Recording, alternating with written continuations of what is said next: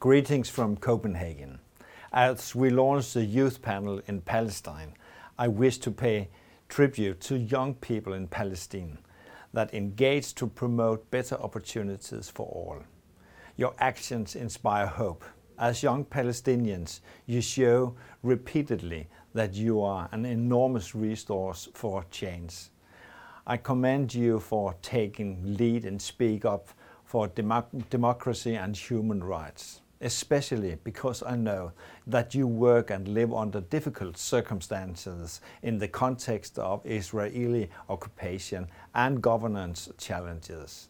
Still, through organizations, movements, and network, young Palestinians work hard to make a difference in society. For Denmark, it is vital that your voices are heard and threatened meaningfully in discussion making processes at international, national, and local levels. Earlier this year, some of you were able to exercise your rights to vote in municipality elections, but none of you have been able to participate in national democratic elections in Palestine.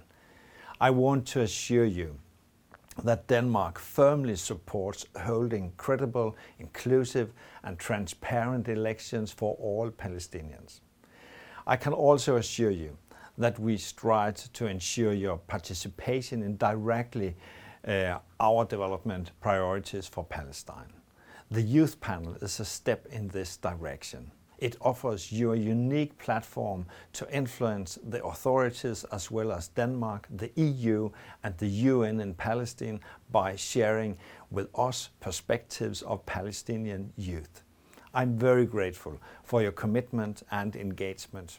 Please continue to inspire us. Thank you.